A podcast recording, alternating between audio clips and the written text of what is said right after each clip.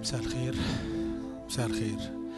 آه وأنا بصلي النهارده الصبح للاجتماع بتاعنا وجوايا إن إحنا عايزين آه نشوف يسوع ونعبد يسوع علشان يسوع.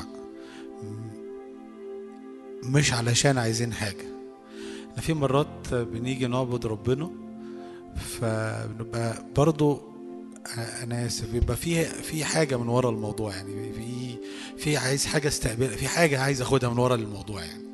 بس أنا النهارده عايز أنا هعمل كده. هأخلي نفسي من أي طلبات دلوقتي ومن أي حاجة أنا عايزها من ورا العبادة ومن ورا التسبيح لكن هي عن يسوع. عشان كده عايز أقرأ كام عدد من رسالة كلوسي وعشان أنتوا جيتوا بدري فهتاخدوا حاجة كده بونص غير الناس فرسالة كلوسي دي اتكتبت ليه؟ اتكتبت لأن كان في بدعة زمان اسمها البدعة الغنوسية إيه هي البدعة الغنوسية دي؟ بتقول إنه المسيح مش هو ربنا ليه؟ لأن المادة هي شر فالله ما ينفعش ينزل في حاجة مادية لأن المادة شر فالإنسان اللي جه يسوع ده اللي جه فده حاجة كده زي الملائكة حاجة يعني في رتبة من المراتب العالية بتاعت الملائكة. ده كان فكرهم. ف والبدعة دي كانت بتقول حاجات تاني كتير يعني بس خلينا في الحتة دي دلوقتي.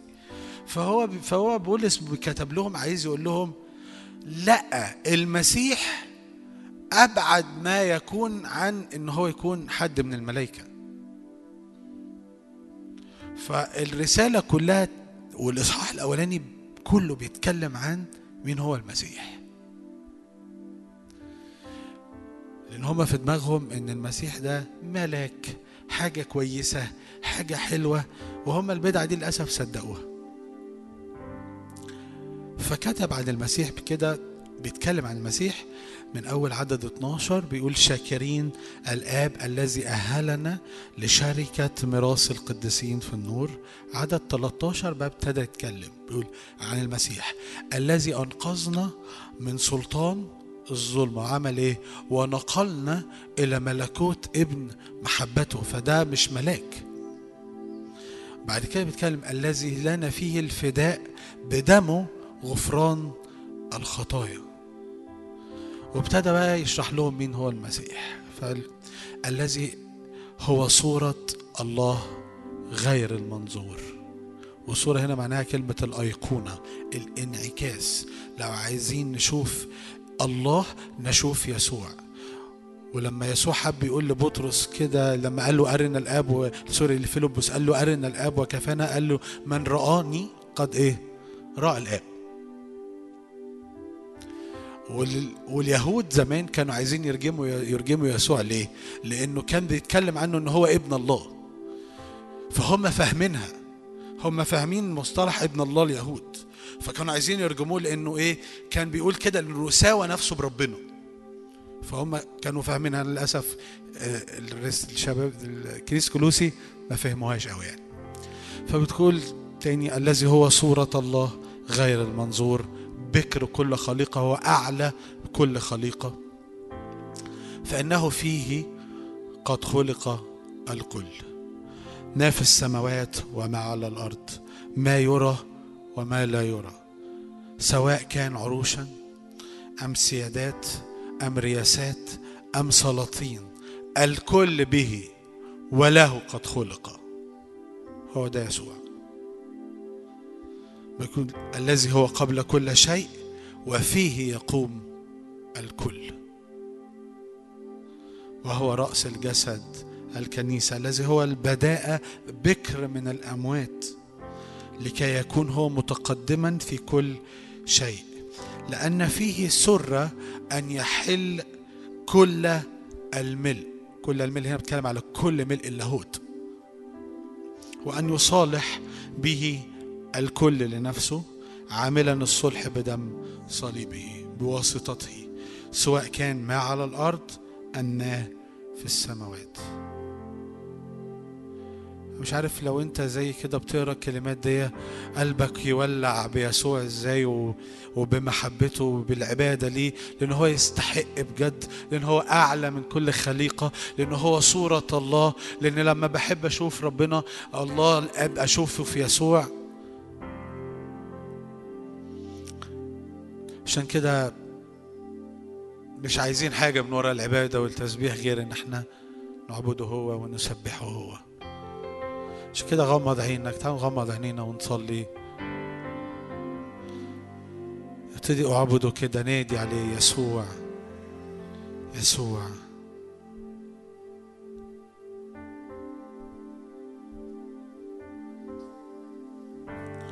صورة الله غير المنظور.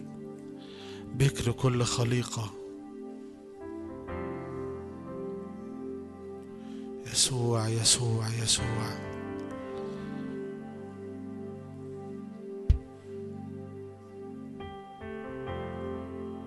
فيه خلق الكل فيه خلق الكل ما في السماوات وما على الأرض ما يرى وما لا يرى. سواء كان عروش أم رياسات أم سلاطين؟ الكل به وله قد خلق. يسوع.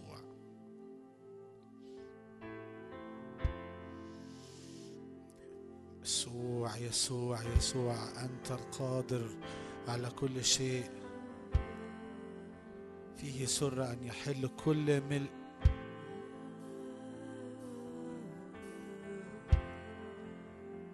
أن عاملا الصلح بدم صليبه. يسوع يسوع يسوع. يسوع يسوع يسوع.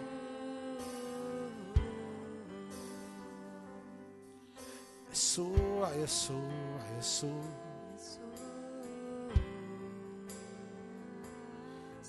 يسوع يسوع يسوع.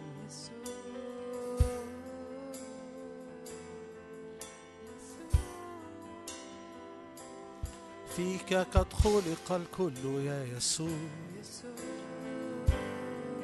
ما في السماوات وما على الأرض يسوع يسوع. لا يرى وما لا يرى الكل به وله قد خلق. يسوع يسوع يسوع. ارفع صوتك كده ونادي على يسوع. ارفع صوتك واعبد يسوع.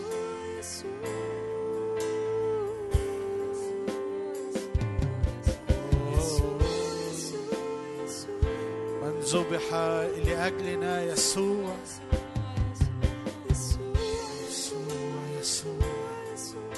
الأبرع جمال من بني البشر يسوع يسوع.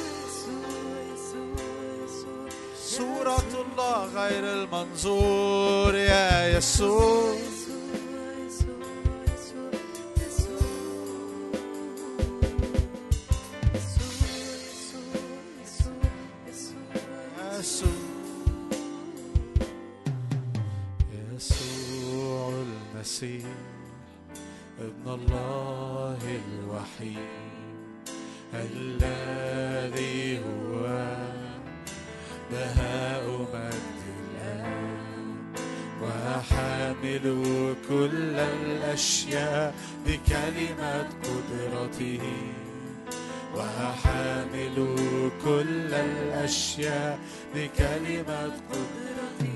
Sanaha.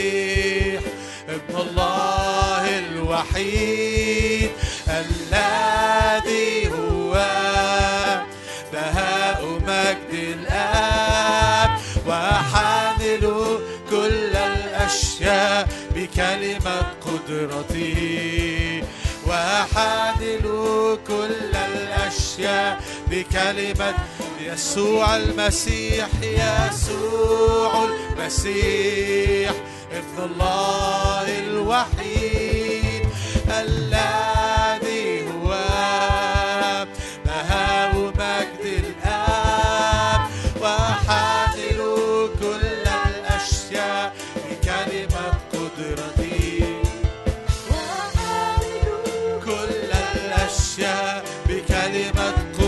قد كرسيك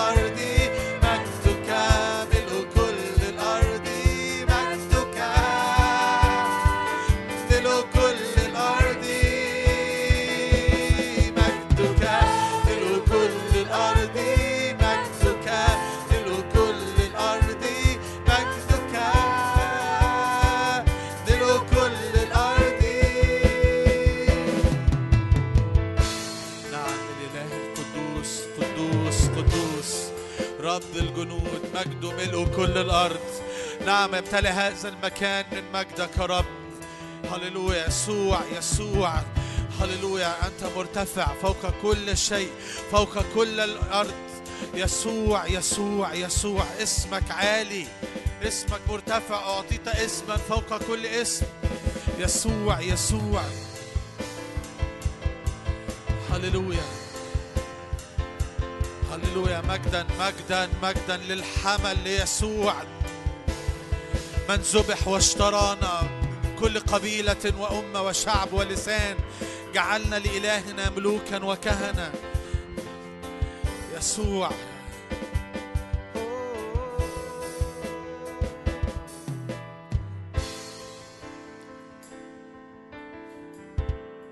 مستحق تكسو كل ركبة ويعترف كل لسان أنك وحدك الإله أنك وحدك الإله. مستحق أن تكسو كل ركبة ويعترف كل لسان أنك وحدك الإله أنك وحدك. أعبدوا كده مستحق.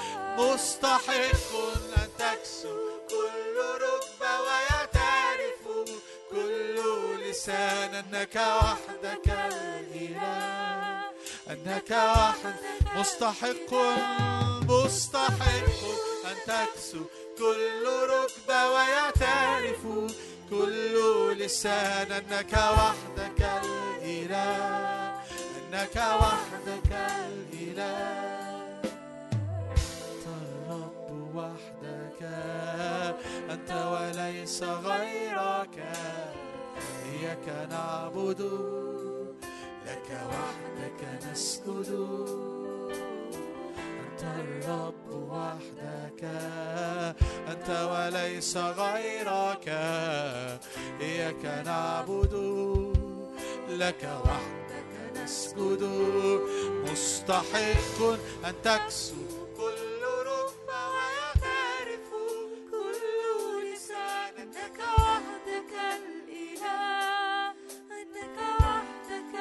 يسوع مستحق مستحق. أن تكسو كل ركبة ويعترف. كل لسان أنك وحدك الإله. أنك وحدك المستحق مستحق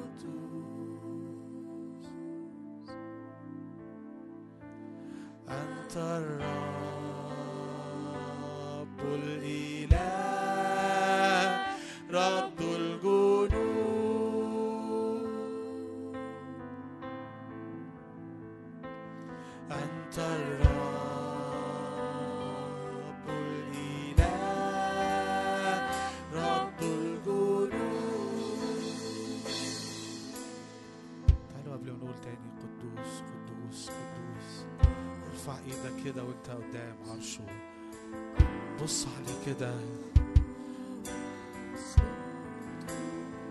وشاور عليه وقول له قدوس قدوس قدوس. ما تتشغلش بأي حاجة تاني.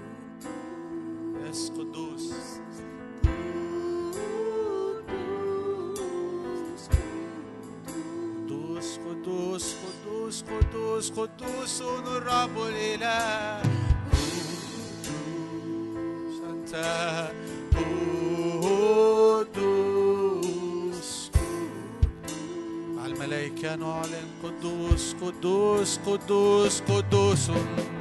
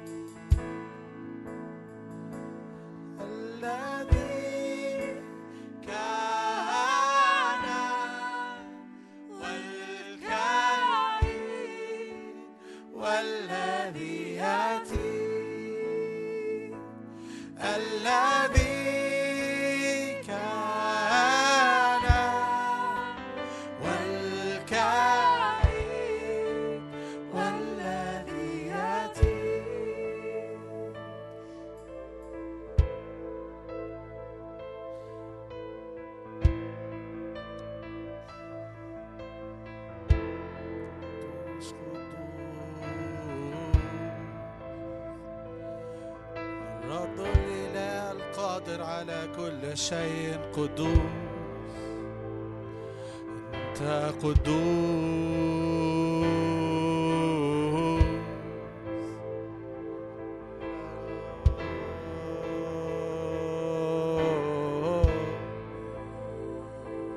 أنت قدوس قدوس قدوس قدوس.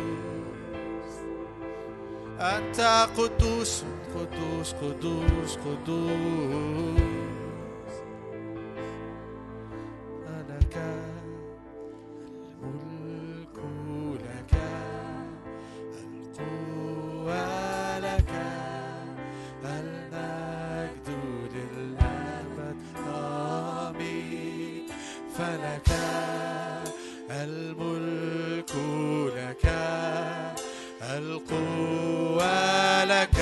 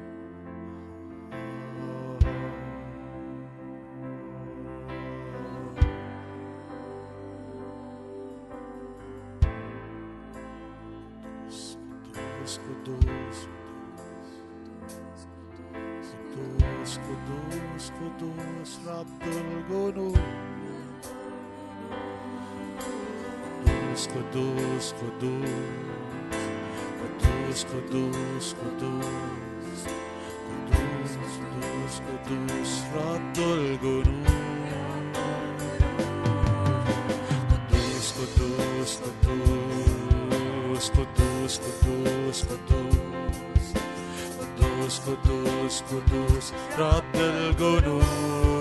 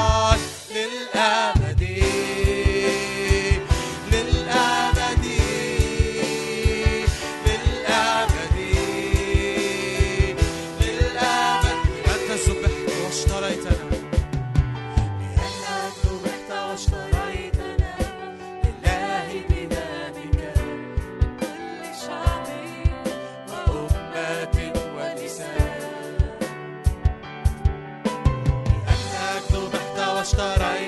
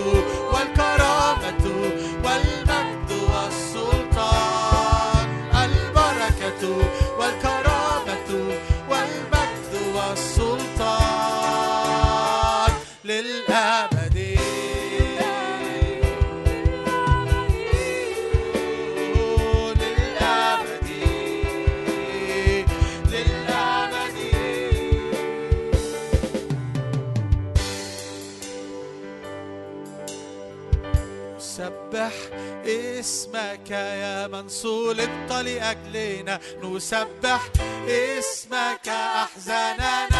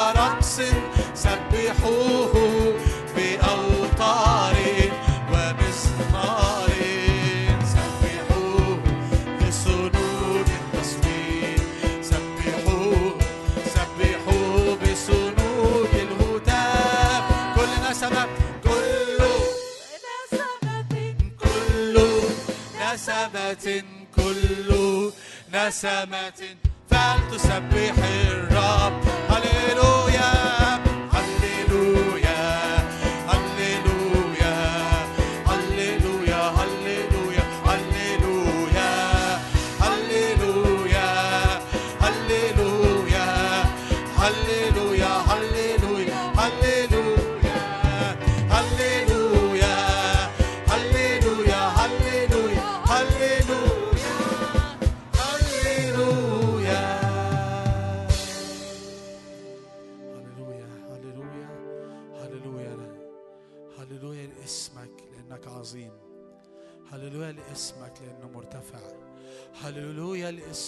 لانك قادر على كل شيء. هللويا يا رب لأنك في وسطنا. جبار تخلص. هللويا لأنك تبتهج بنا فرحا. هللويا أنك تسكت في محبتك. هللويا. هللويا. هللويا. هللويا. هللويا.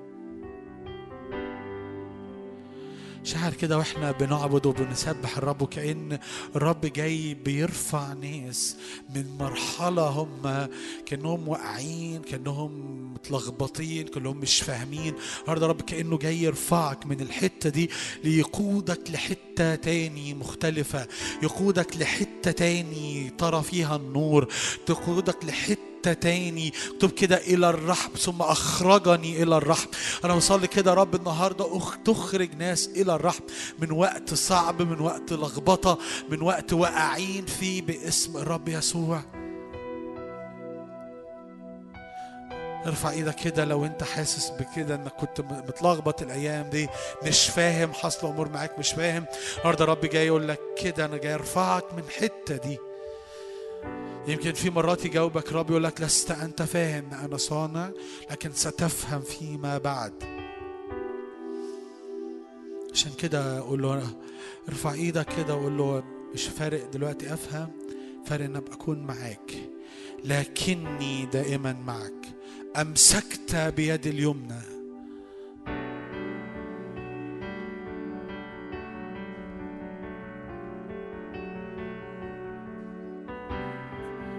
نعم يا رب زيارة خاصة لكل حد تعب من.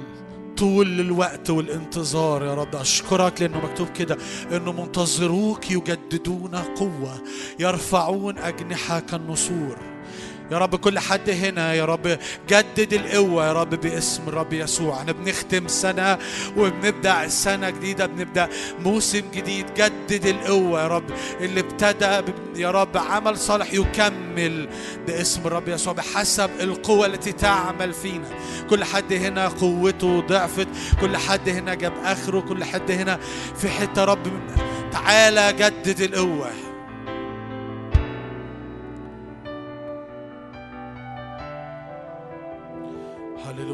هللويا جدد القوة.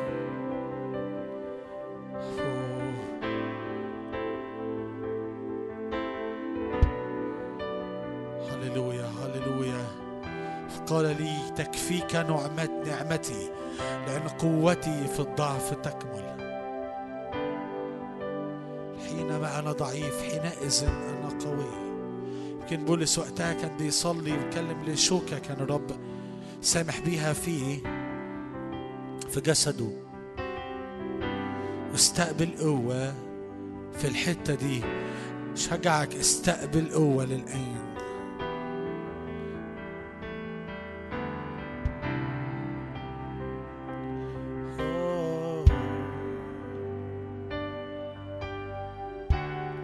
صلي يا رب ترسل بروحك قوة يا رب. أنت تأيده بروحي بالقوة في الإنسان الباطن.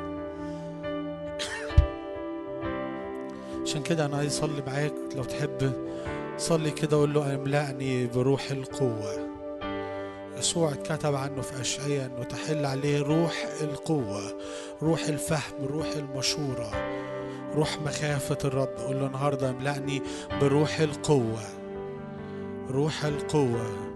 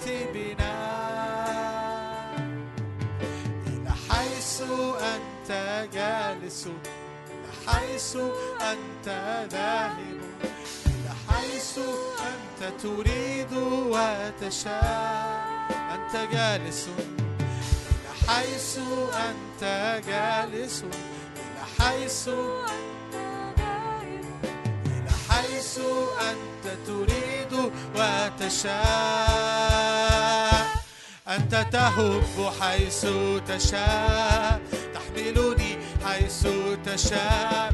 ها أنا بجملتي بين يديك. أنت تهب حيث تشاء تحملني حيث تشاء.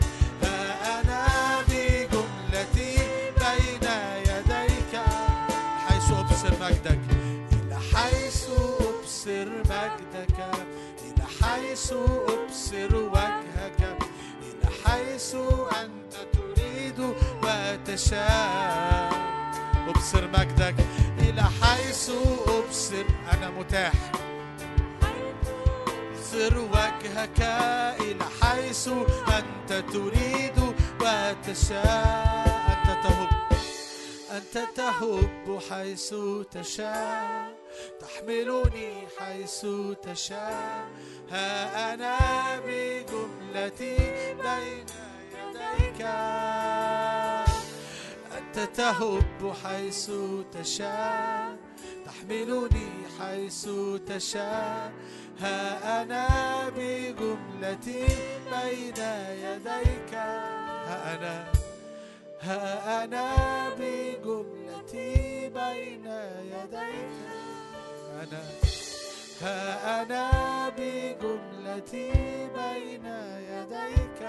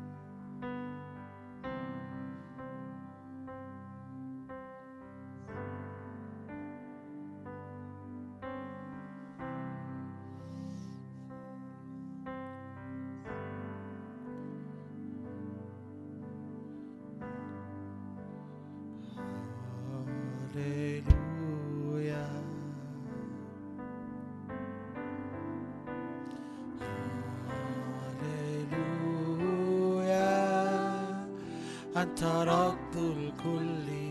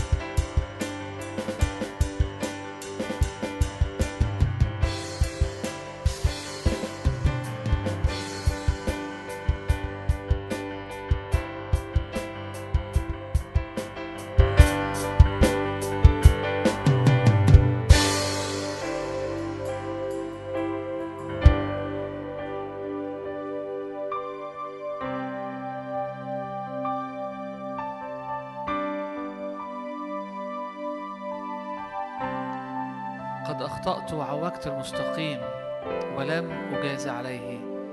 فدى نفسي من العبور إلى الحفرة فترى حياتي نور. هللويا. فدى نفسي من العبور إلى الحفرة فترى حياتي النور فترى حياتي النور كل دايرة كل حتة ترى حياتي النور مفيش حاجة تربطني بالظلام مفيش حاجة تتقلني. تجذبني للحفرة لأنه فدى نفسي من العبور إلى الحفرة فترى حياتي النور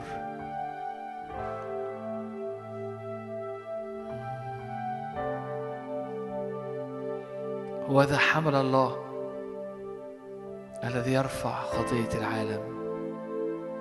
فدى نفسي من العبور إلى الحفرة فترى حياتي النور.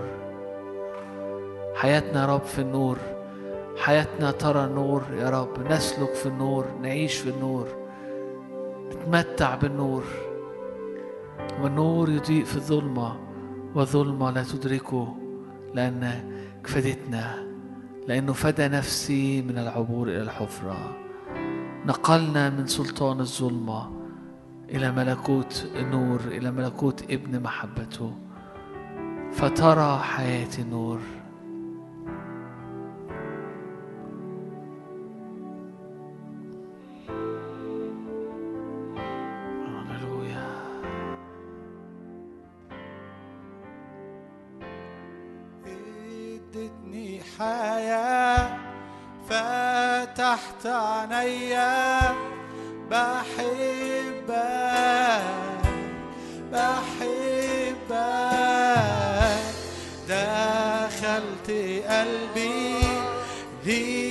خصصتني بحبك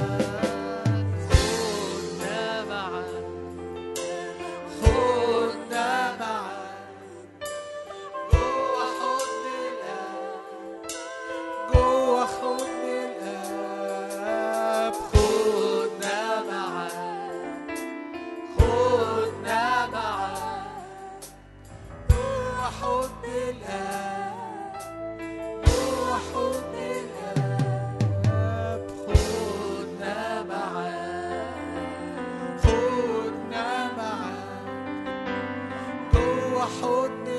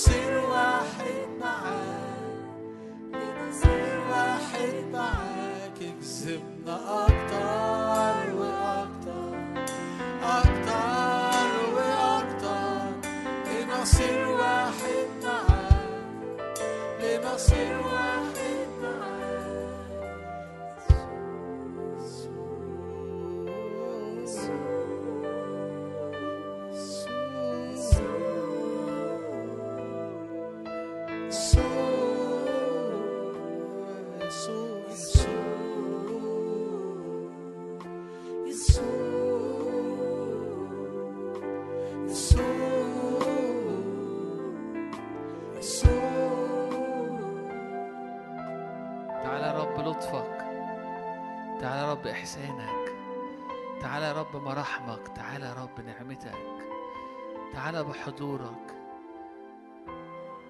قال له قال هبعت قدامي قدامك ملاكي ويوصلكوا. فقال له إن لم يسر وجهك أمامي لا تصعدني من هنا. لا تصعدني من هنا إن لم يسر وجهك أمامي. نفسي تعلقت بيك يا رب. أنت أنت إن لم يسر وجهك معي أمامي. لا تصعدني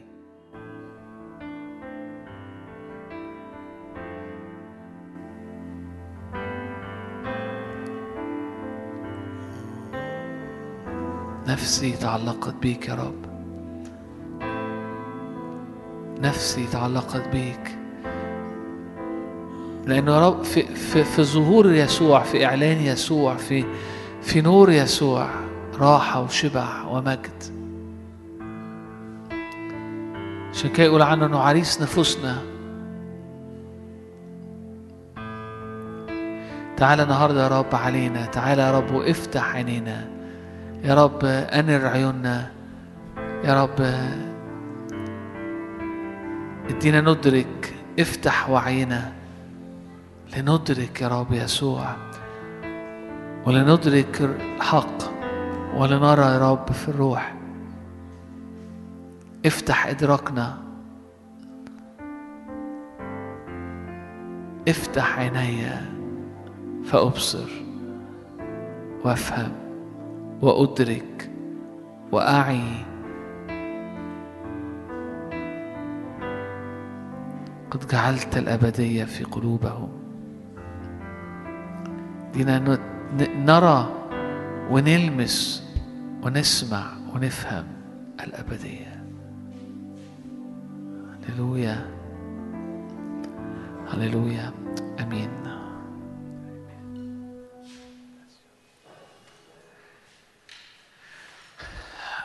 مساء الخير يا جماعة. آه، افتقدت الاجتماع جدا. آه، وحشني خالص خالص. و وحشني أوقات العبادة والتسبيح والوجود هنا هوت في الاجتماع.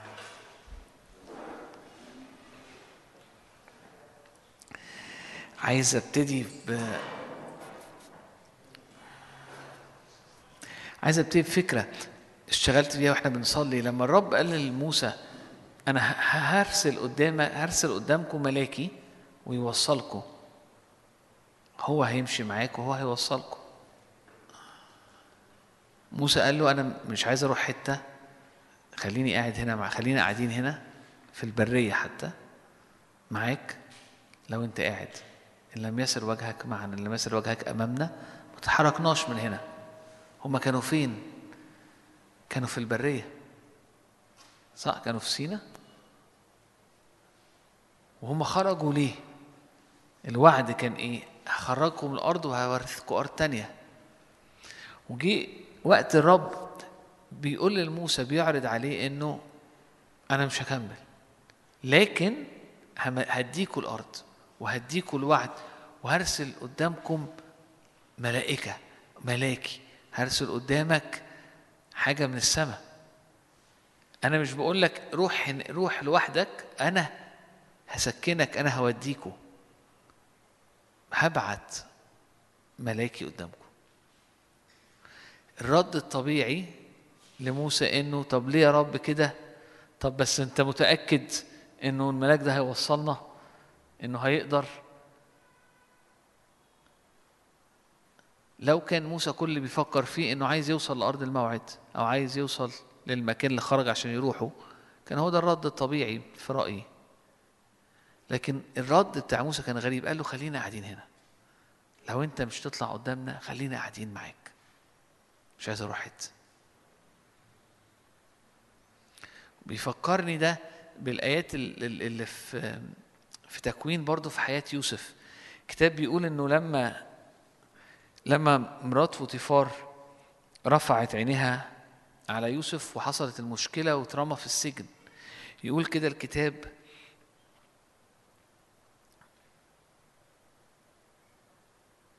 فأخذ يوسف أو أخذ يوسف آه، سيده ووضعه في بيت السجن.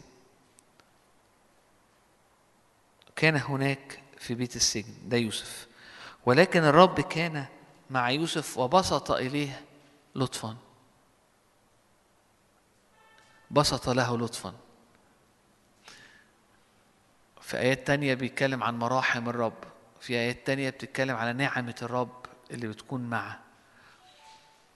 مع دانيال مع يوسف مع إيه اللي فارق معايا في الآية دي أو إيه الحاجة؟ إنه هو في السجن هو في حتة ظروفها مش حلوة لكن الرب بسط لطف. فاللي يوسف شعر واللي يوسف عايش فيه حاجة ملموسة ومحسوسة حلوة برغم إن الظروف مش حلوة. حضور الرب لطف الرب نعمة الرب ليها طعم. محسوسة وتشبع وتملى العين وتملى القلب وتملى الحواس. فبتبقى الحياة تطيب تطيب الحياة. عارفين لما تطيب يعني تبقى حاجة حلوة طيبة. ما أطيب الرب ما أطيب الحياة. لما يكون الرب يبسط لطف. لما يكون الرب بيبسط نعمة حتى لو كان في السجن. رجوعا لموسى. أنت في البرية اللي فارق خلينا نركز اللي فارق معانا إيه دلوقتي؟ إنك تروح أرض موعد تفيض لبن وعسل إن الرب يحقق الوعد. فلو الرب يقول لك أنا متضايق شوية بس أنا حلو وطيب فهرسل أمامي ملاكك وهيوصلكم موسى لأنه داء اللطف لأنه داء الحضرة الإلهية لأنه داء داء التمتع الشخصي. قال له خلينا قاعدين هنا. لو أنت روحك لو أنت مش هتصير أمامي خليني قاعد. مش عقاب. لكن في حاجة حصلت فيه في وعيه في دماغه إنه فهم إنه إنه الشبع ملء الشبع ملء الراحة ملء الفرح. هو في الحضرة الإلهية في في حضور الرب في إنه هو هنا هو معايا هو باسط نعمة هو باسط لطف ايا كان المكان الجغرافي ايا كانت الحالة. فقال له لا لا ما تودنيش. لو أنت مش طالع معايا أنا عايزك أنت. مش فارق معايا الأرض. كتير إحنا بنحب رب بس تبقى دماغنا متسيستمة إني أنا عايز أوصل للحاجات الحلوة اللي الرب عايز يوصلني ليها أرض الموعد كانت حاجة من الرب كانت فكرة الرب وكان وعد الرب. لكن كتير بيبقى زي ما كان للشعب الهدف هو الأرض الموعد. أرض الموعد حلوة بس مع الوقت في المسير مع الرب بتكتشف إنه لا الهدف إنه مسيرك معايا يا رب. صار الرب صار أخنوخ مع الرب. فلم يوجد لأن الرب نقله لأنه صار معاه مشي معاه. ومع موسى وصل الحته دي قال له أنا هبعت معاك ملاكي قدامكم. هيعد الطريق قال له مش عايز أروح. قال له لو أنت مش معايا ما تطلعنيش من هنا. مش لأن أنا مش ضامن المكان الملاك يوصلني لكن لأن ما بقتش أهدافي الأولانية إني حتى أروح لأرض الموعد. أنا تمتعي وهدفي في مسيرك معايا في حضورك في حركتك معايا يا رب. عشان كده كتير واحد كان بيسأل يا ترى يوسف كان حاسس بإيه؟ أكيد نار في السجن. ما, كان ما كانتش في نار في السجن. ما كانش في نار في السجن. ليه ما كانش في نار في السجن؟ قال لك إن الرب بسط لطف ليوسف. فيوسف أكتر وأكتر شعر بلطف الرب شعر بحضرة الرب شعر بإن الرب. موجود. ف لذة الحياة ليوسف في السجن. ف فموسى اللي ساب مصر وساب الدنيا ومفروض إنه بيقود ناس لأرض الموعد والمفروض دماغه تبقى مستسلمة إن عايزين نروح عايزين نروح عايزين نوصل. وبيوصل لحتة إنه في الحقيقة أرض الموعد مش هي الموعد. أرض كنعان مش هي الهدف. الرب. وعشان كده نكتشف ده في العهد الجديد لما الرسائل بتحكي لنا انه إنه الراحة الحقيقية السبت الحقيقي أرض الموعد هي هي يسوع هي هو الرب. زمان قوي موسى اكتشفها وهو رايح لأرض الموعد. قال له إن لم يسر وجهك أمامي ما توديهاش حتة. خلينا قاعدين هنا. هنا فين؟ ده إحنا في, في, برية. ده إحنا في أرض حيات وعقارب. ده انت في حتة مش ضامن فيها حاجة المن هو اللي بينزل يأكلك لكن لو المن ما نزلش بكرة انت مش محوش حاجة. انت في مكان ما فيهوش انهار وغمار و و و و وما بيفيضش زيت و و ولبن ومش في الأرض دي. لا بالنسبة لموسى وصل لحتة إنه لطف الرب حضور الرب إحسان الرب. هو ده هو ده الشبع هو ده القصة هو ده الهدف.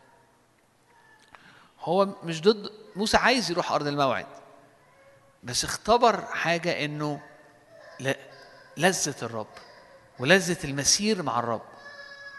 فكرة إن الرب معايا أو إنه ماشي معايا أو إنه باسط نعمة أو إنه باسط لطف دي حاجة ده اللي عايز أقوله دي حاجة ملموسة حاجة محسوسة حاجة بتشعر بيها بتتمتع بيها.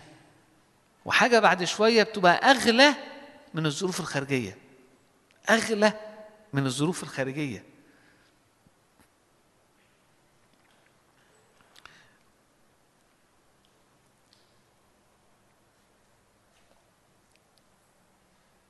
ع- عشان كده تلاقي القديس يوحنا يقول لك إيه؟ الذي سمعناه. كلمة سمعناه دي مضارع مستمر. أو يعني فيها جزء سمعناه قصدي ماضي بس مستمر. يعني في الأصل بتاع الكلمة في اللغة الأصلية هي حاجة مش معناها سمعناه وخلصت. سمعناه ولا زلنا نسمعه. يعني لأنه ما بيتكلمش عن حاجة حصلت بس في المحسوس في المنظور إنه كان يسوع تجسد فكان إنسان وقال كلام وأنا سمعت الكلام ده. لا هو ورا الكلام ده كان في عارفين لما لما قال سمعت صوت كأنه مياه كأنه نهر كأنه شلال هو هو, هو سمع الرب يتكلم لكن لسه بتسمعه لسه لسه لسه الكلمة متحركة لسه فالذي رأيناه الذي شاهدناه الذي لمسته أيدينا من جهة كلمة الحياة. إحنا لمسنا حياة الله. ولسه بنلمسها. سمعنا حياة الله ولسه بنسمعه. رأينا حياة الله ولسه بنراه. بالنسبة له كان حاسس إنه هي دي الدنيا. هي دي. لأن الحياة أظهرت. الحياة أظهرت. ده كان في آلاف السنين لسه قبل ده. اليهود اللي كانوا بيعبدوا الرب كل السنين دي ما كانوش شافوا حياة. لا حياة الله أظهرت. فإحنا بنتكلم في في بعد تاني خالص للعيشة. في بعد تاني خالص للحياة وفي بعد تاني خالص للتمتع. فتيجي تقول لي يا بختهم. آه، آه، فعلا التلاميذ يا بختهم. فهو يروح قايل لك إيه؟ ونشهد ونخبركم عشان زي ما إحنا مختبرين أنتوا تختبروا معانا. فيحطك في حتة إنه مش يا بختهم لكن يا بختك أنت كمان لأن اللي إحنا ضايقينه واللي إحنا مختبرينه النهارده والشركة الشركة اللي إحنا فيها انت كمان مدعو انك تكون في الحتة دي. بيبتدي بان هو يقول لهم ان الحياة اظهرت. ونشهد ونخبركم بالحياة الأبدية اللي كانت عند الله واظهرت لينا. فأنا وأنا بقراها قريب كنت بقراها قلت إيه ده؟ الحياة بقالها قد كده هوت يعني يعني الشعوب دي اختبرتش حياة. طب إبراهيم ما اختبرش حياة؟ يعني موسى ما اختبرش حياة؟ يعني يعني جملة قوية إنه يقول إن الحياة أعلنت. اللي فات ده كان كوم واللي هو بيتكلم عنه كوم تاني وبيقول لك إن حياة الله نورت ظهرت. وأنا لمست وسمعت وشفت. وجاي أقول لك عشان انت كمان وكلمة نخبركم دي هنتكلم عليها بعد شوية لأنها مش بس هو عايز يقول إنه بقول لكم لكن هو عايز يقول إنه في حاجة بتحصل في حاجة هو بيعملها عشان عشان توصلك عشان انت كمان تبقى في الحتة دي. فبداية الحديث أو أول أول حاجة عايز أبتدي بيها إنه إحنا كتير قوي ودي حاجة طبيعية حتى وإحنا مؤمنين بنبص وبنقيس الحياة بأمور خارجية وأمور خارجية دي حلوة مش غلط. الرب واعد بكذا واعد بكذا ورب عايز كذا لحياتي. وأنا ببص على الحاجات دي ورايح ناحيتها وبصلي لها وعايز أشوفها. ولكن الحاجات اللي إحنا بنتكلم عنها دي لا هي الهدف ولا هي المضمون رغم إن أنا رايح لها. لأن في المسيرة ببتدي اتعلم إنه إن لم يسر وجهك أمامي ما تصعدنيش من ها هنا. أنا أنا متمتع بيك وعايز أفضل ماشي معاك. حتى لو في قعدنا في البرية خلينا قاعدين. مش لازم حتى امتلك أنا هبعت حاجة من ريحتي. هبعت لك ملاك. هتشوف أمور. أنا عايزك أنت. أنا عايز الحياة. اللي, اللي, اللي موسى كان بيشوفه كان نقط من اللي بيتكلم عنه القديس يوحنا لأنه قال لك الحقيقة أظهرت. ما كانتش ظاهره وإحنا شفناها ولمسناها ولسه ظاهرة. دي دي مقدمة سريعة. خلينا نبص على إنجيل يوحنا. إصحاح 3 2 صح انجيل يوحنا صح اثنين آيات معروفة جدا قصة قصة معروفة. إيه اللي حصل؟ يسوع وتلاميذه ادعوا في فرح في عرس قانا. أوكي؟ وبعدين راح هناك فيقول الكتاب ان أمه قابلته وقالت له الناس الخمر خلص. صح؟ فيسوع ابتدى قال لهم كان في ست أجران الأجران دي بتبقى موجودة بره البيت بتبقى للتطهير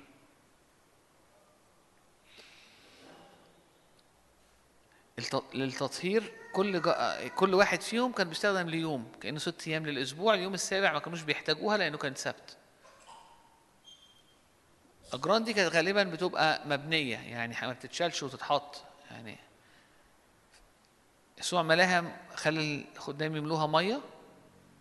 كلنا عارفين إنه حول المية لخمر وقال لهم اسحبوا. لأن هم سحبوا مية وحطوا ودوقوا رئيس المتكأ فداء وقال لك الخمر دي خمر جيدة. قال للعريس كل الناس بتخلي الخمر بتاكل الأول بتشرب الناس الخمر الجيدة الأول. وبعد كده تدي الدون انت أبقيت الخمر الجيدة إلى النهاية. يقول الكتاب إنه دي كانت بداية الآيات اللي ابتدى يسوع يظهر بيها مجده لتلاميذه. ده لأني هقرأ لأني هتكلم في كذا نقطة ف لخصت لك بسرعة صح اتنين. النقطة اللي عايز اشاور عليها.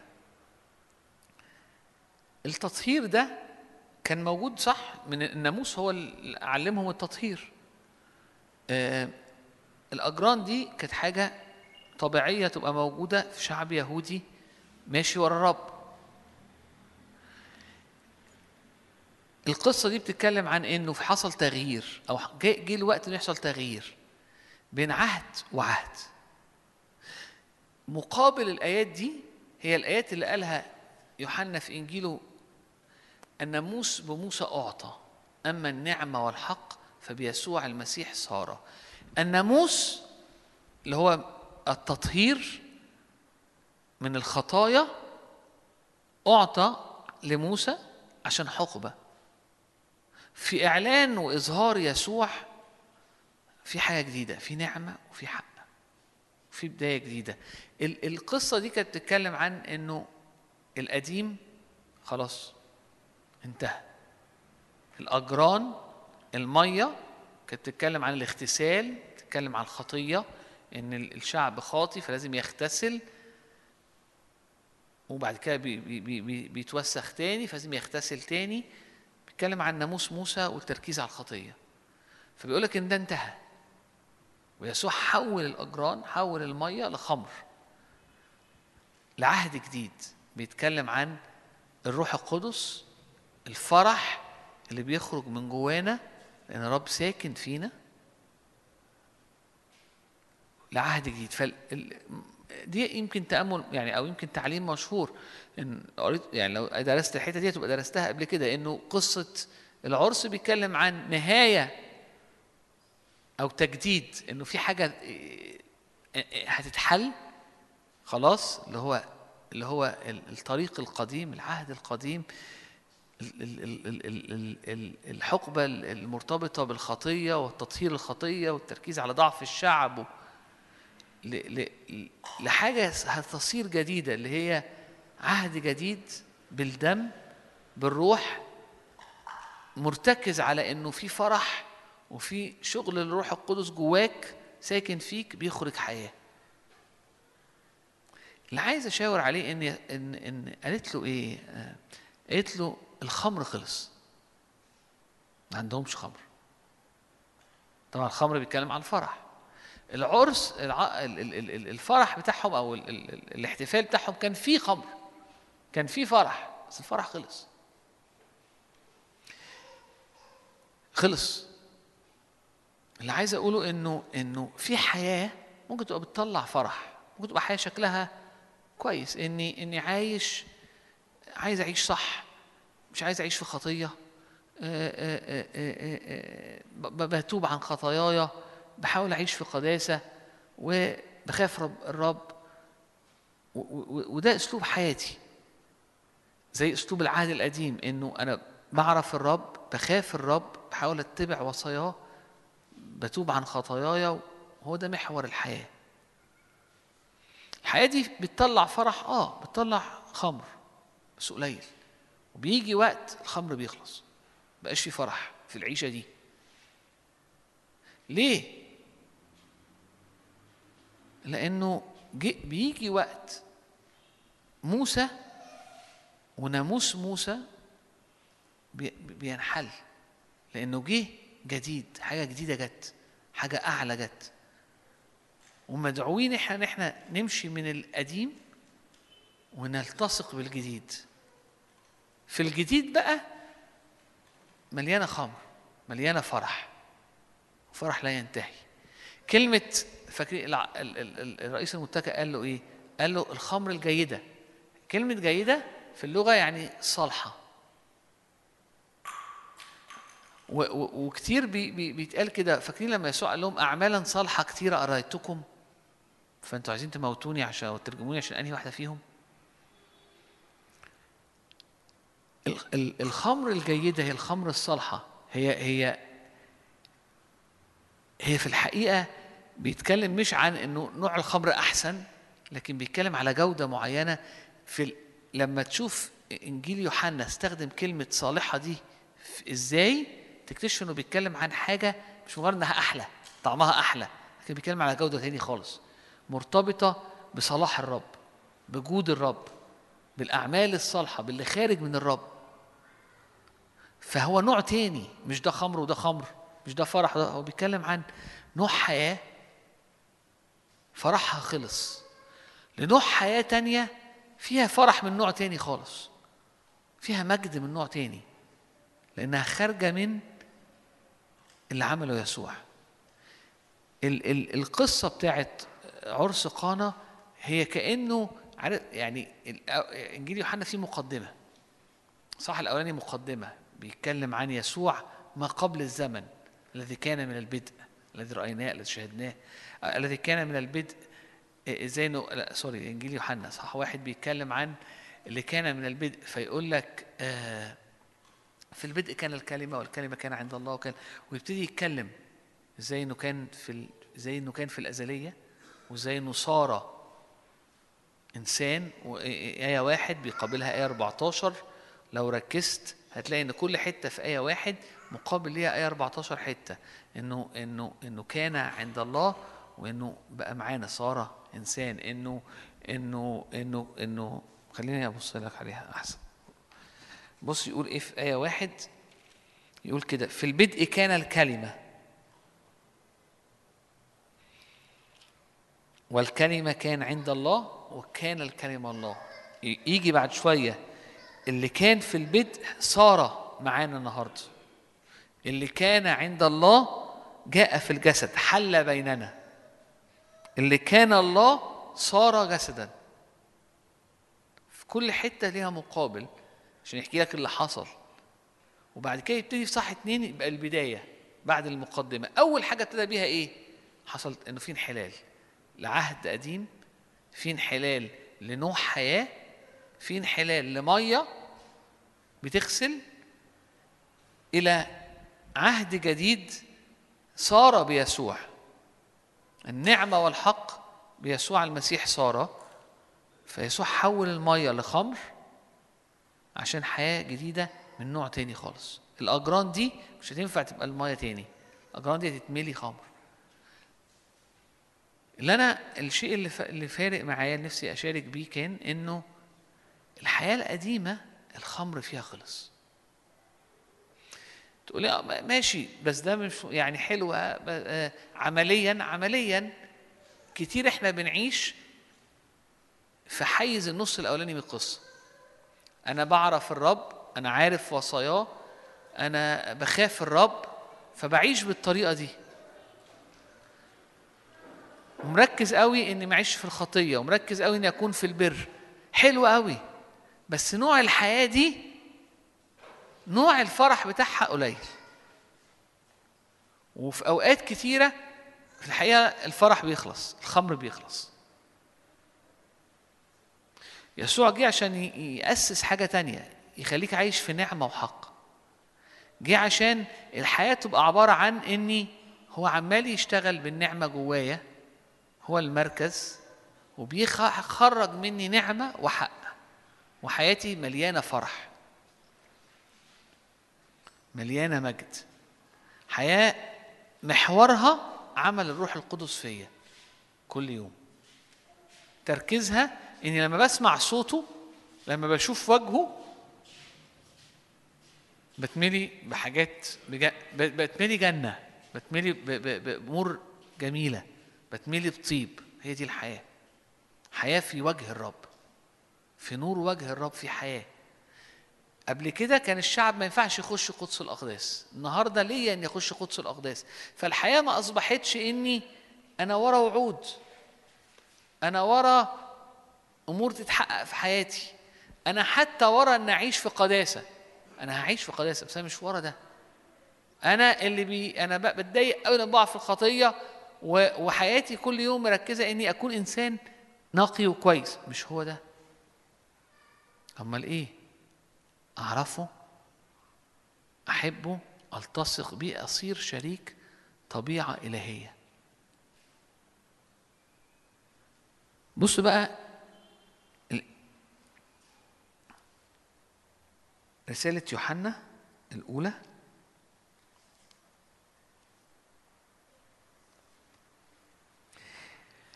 الذي كان من البدء الذي سمعناه. وهنا سمعناه ولا زلنا نسمعه. الآية ماضي مستمر. فلا ناس كتيرة سمعت يسوع بس سمعته بودانها. وممكن لما تيجي تحكي كانت عايشة في وقت يوحنا فتقول لك إحنا سمعناه وهو بيتكلم. مش ده اللي هو بيتكلم عنه. بيتكلم عن الم... ال- عن نفسه عن الرسل وعن الناس اللي كانت حوالين يسوع اللي سمعت حاجة أعمق وأبعد من كلمات جنب بعض. فبيقول لك الذي سمعناه ولا زلنا نسمعه. الذي رأيناه بعيوننا هو ما كانش شبح. شفناه بعينينا الطبيعية. شاهدناه ولمسته أيدينا ولسه بنتلامس معاه. من جهة كلمة الحياة طبعا كلمة هنا إحنا بنسمع كلمة بنحس إنها كلمة لكن كلمة هنا يعني لوجوس. في البدء كان الكلمة. بالنسبة لي ف- ففكرة إنه إنه هو الكلمة هنا بيقول لك إنه إحنا اتلمسنا ورأينا وسمعنا الكلمة اللي كان منذ البدء اللي مليان بحياة الله. فسمعنا كلمة الحياة ورأينا كلمة الحياة ولمسنا كلمة الحياة. فإن الحياة أظهرت. أنا عارف إن إحنا ممكن نكون قرينا ده كذا مرة أو سمعنا وعظات بس أقف هنا. حياة أظهرت هي كل كل السنين اللي فاتت اللي قبليها دي آلاف السنين اللي اتعاشت ما كانش فيها حياة؟ الحياة كانت فين؟ مختفية؟ كان فيها نوع حياة معين. لكن هنا هو بيتكلم عن حياة الله وكأنها قبل كده كانتش كانت محتجبة. وبيقول لك إن في يسوع حياة الله أظهرت. هو هو مو الحياة أظهرت هي هي هو موسى ما شافش حياة كانت مستترة. حياة الله نورت استعلنت. فده حدث تاريخي خيالي. وقد رأينا رأينا حياة الله. ونشهد. ونخبركم بالحياة الأبدية. الذي كان طبعا في الأصل مذكر. كلمة حياة مذكرة. ففي الأصل إيه؟ لما تيجي تقرأ يقول لك إيه؟ بالحياة الأبدية. الذي كان عند الآ- الآب وأظهر لنا. في العربي مش عارف يظبطها لأنه كلمة مؤنث. الذي رأيناه وسمعناه نخبركم به لكي يكون لكم أيضا شركة معنا وأما شركتنا نحن فهي مع الآب ومع ابنه يسوع المسيح. ونكتب لكم هذا ليكون فرحكم كاملا. كثير من الآية دي يقول آه الآية معناها إيه بالعربي؟ إنه اللي سمعناه هنقول لكم هنخ... هنخبركم بيه هقول لك عليه. بس هي الحقيقة الآية مش كده.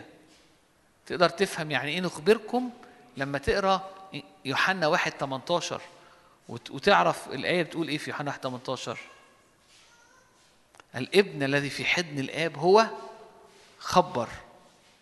ففي الحقيقة لما بيستخدم كلمة إن اللي شفناه وسمعناه بنخبركم بيه مش قصده إن هو بيعمل زي أي حد فينا أو بيعمل زي أي أي واحد مراسل أو بيعمل شفت شوية حاجات وفهمنا شوية حاجات وقرينا شوية حاجات فهنقول لكم عليها. مش هو ده معنى المعنى تفهمه من يوحنا واحد تهيألي مش عارف 18 ولا كده هطلعها لك.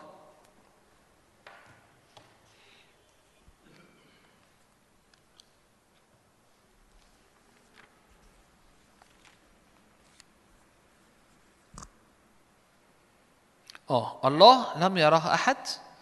الابن الوحيد الذي هو في حضن الآب هو خبر. الآية دي بتقول إيه؟ بتقول إن الله ما حدش شافه وما بت- ما بتقولش إن يسوع جه خبر جه حكى. هو بتقول إن يسوع جه أعلن.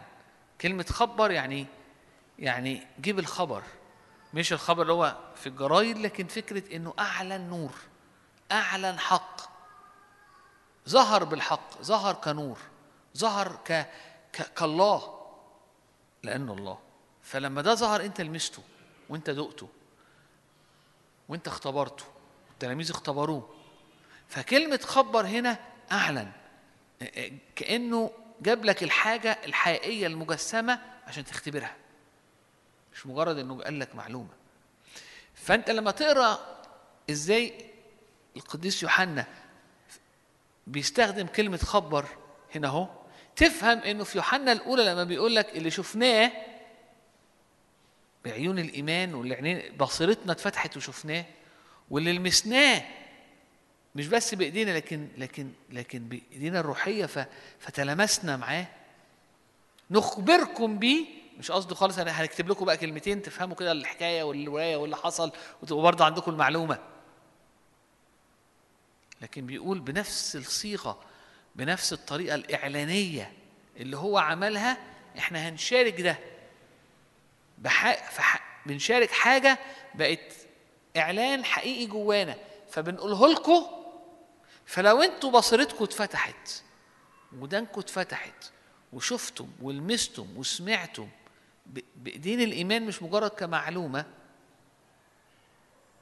هيبقى نفس اللي حصل معانا اللي هو إن إحنا بقى عندنا شركة إحنا مع الآب أنتوا كمان هيبقى عندكم شركة أنتوا وإحنا والآب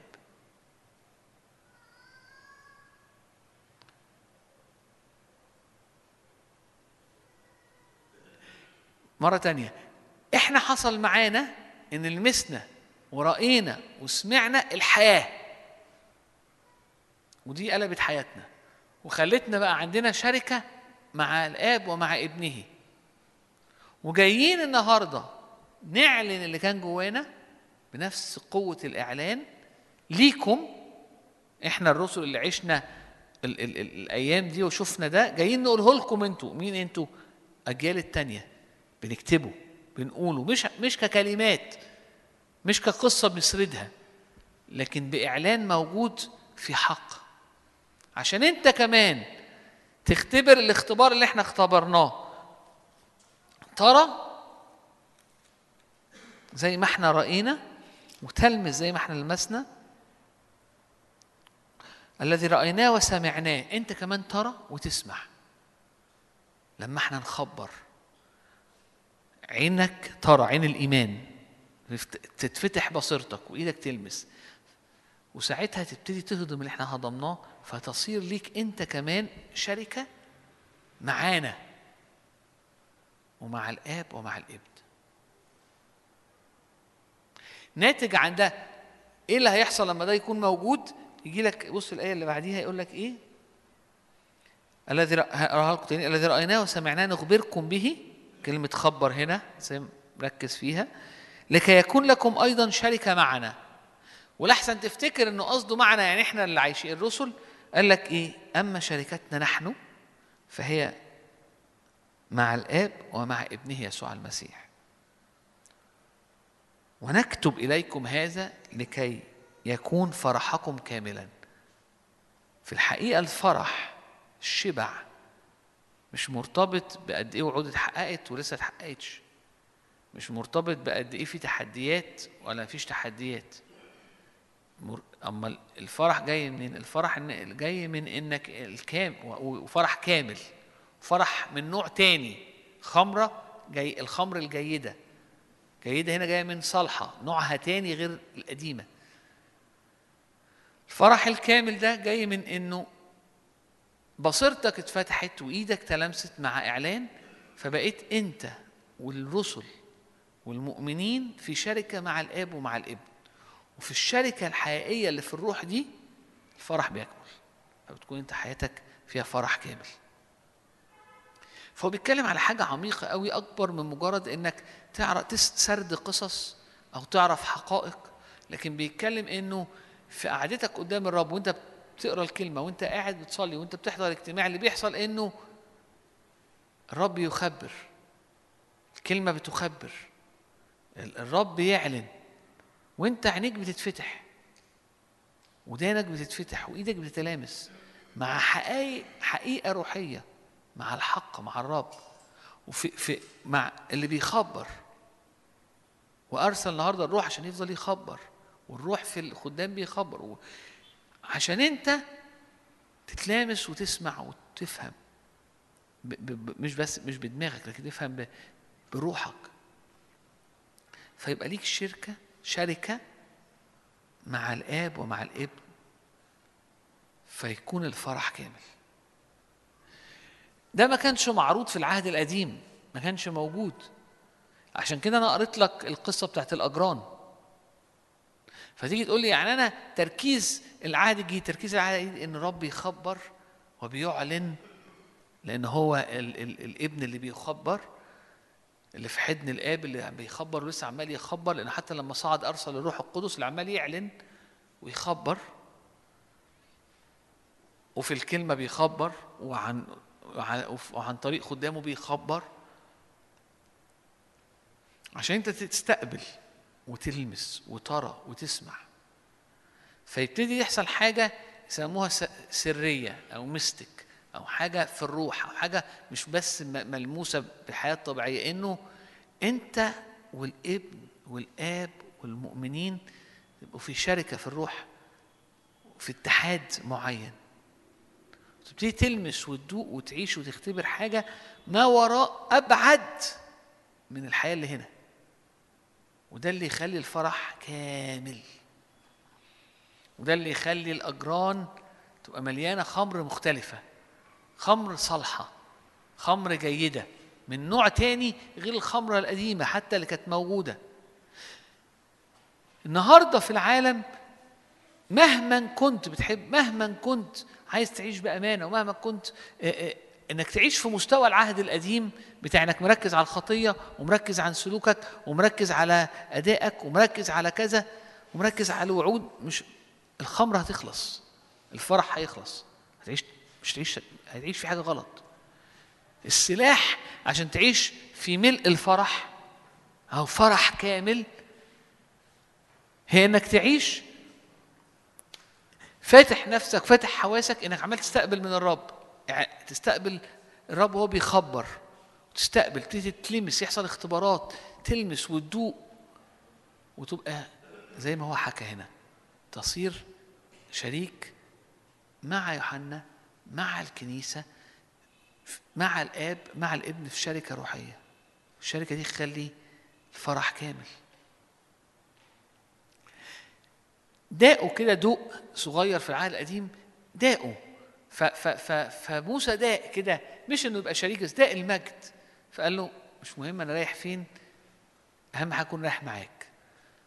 ولو إحنا مش رايح أنت مش رايح وهتبعت قدامنا حد خلينا قاعدين هنا في البرية. أنا مش فارق معايا. يوسف في السجن الرب بسط ليه لطف. مرتاح. مرتاح. ما لأنه شبعان. ولكن كل اللي فات ده الحياة ما كانتش أظهرت.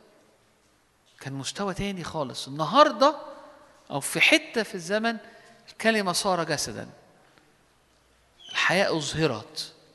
وهو بيقول إحنا لمسنا وشفنا ودقنا حياة الله اللي نورت واللي أظهرت.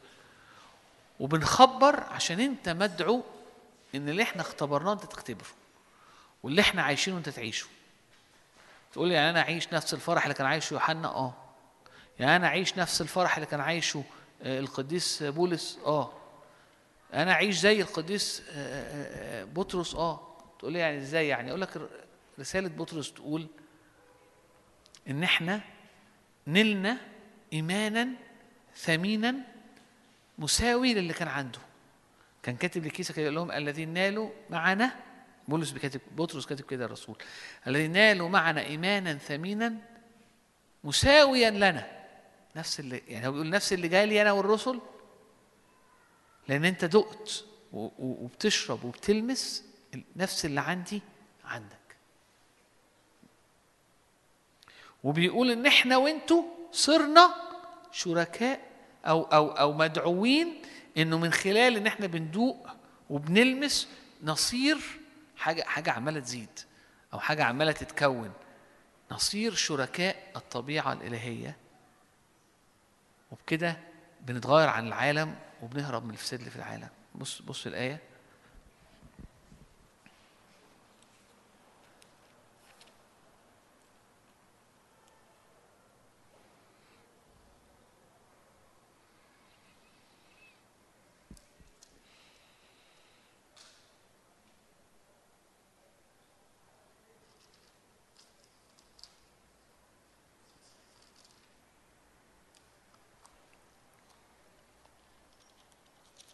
رسالة بطرس الرسول الثانية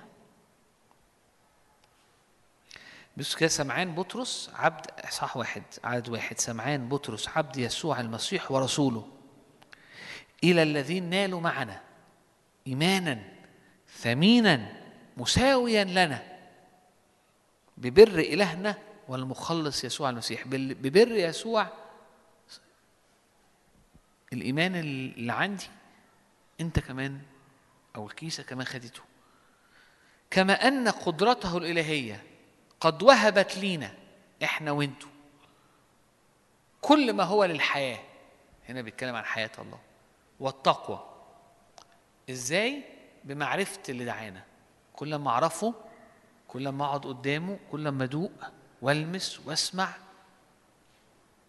كل ما هتزيد قدرة الإلهية هتزيد الحياة جوايا هتزيد تقوى جوايا الذين بهم قد وهب لنا المواعيد العظمى والثمينة إيه الم- المواعيد إيه؟ إيه المواعيد؟ لكي تصيروا بها شركاء الطبيعة الإلهية فاهمين؟ هو كاتب نفس اللي كان بيقوله القديس يوحنا إنه إن طبيعتك هتتغير هتكون زي طبيعته طبيعة الله أنا إنسان آه آه إزاي؟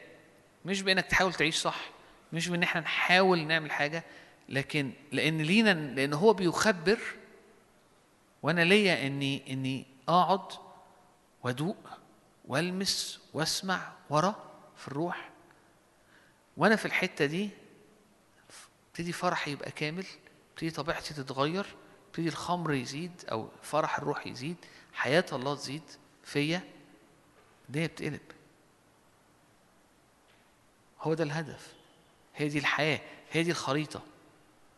هو ده يعني لو في GPS هو ده ال GPS. بالنسبة بالنسبة لموسى ما كانش في الآخر إن أنا أروح أرض الموعد. كان خليني قاعد معاك. رغم إن هو لسه ما كانش اختبر أو ما كانش داق أو ما كانش شاف الحياة الأبدية اللي أظهرت. بالنسبة بالنسبة ل... ل... ليوسف الرب بسط ليه لطف فالسجن كان روعة. ما كان. بالنسبة لداود اقرأ بقى هو بيتكلم عن إيه. يوم واحد في عندك أو قدامك أحسن من ألف سنة أعيش في ديارك أحسن أقعد على أبوابك بس أحس بحضورك. أنا ليا حاجة تانية أنا ليا إنه الأجران اللي مليانة مية هتتحول لخمر. إحنا داخلين في حتة تانية. الخمر خلص في العرس. لكن انت مش مدعوة خالص ان الخمر يخلص في حياتك. ان الفرح يخلص. لا ده انت فرحك من نوع تاني خالص. ومفروض يبقى زيادة ويفيض. وحياتك مش مرتبطة باللي بيحصل حواليكي من ظروف وأحداث ولا مرتبطة حتى بنشأتك وطريقتك وطريقة تفكيرك ده كله ممكن يتغير. أمال طب إيه؟ حياتي مرتبطة بإيه؟ مرتبطة ب- أو أو أو واقفة على إيه؟ واقفة على قد إيه أنت؟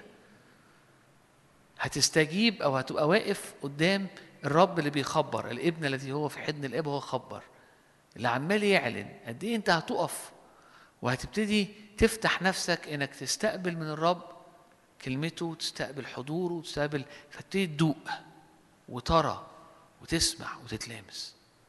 يوم ورا يوم اجتماع ورا اجتماع وانت قاعد قدام الكلمة وانت داخل اجتماع وانت وانت. فتحصل ففجأة تصير شريك.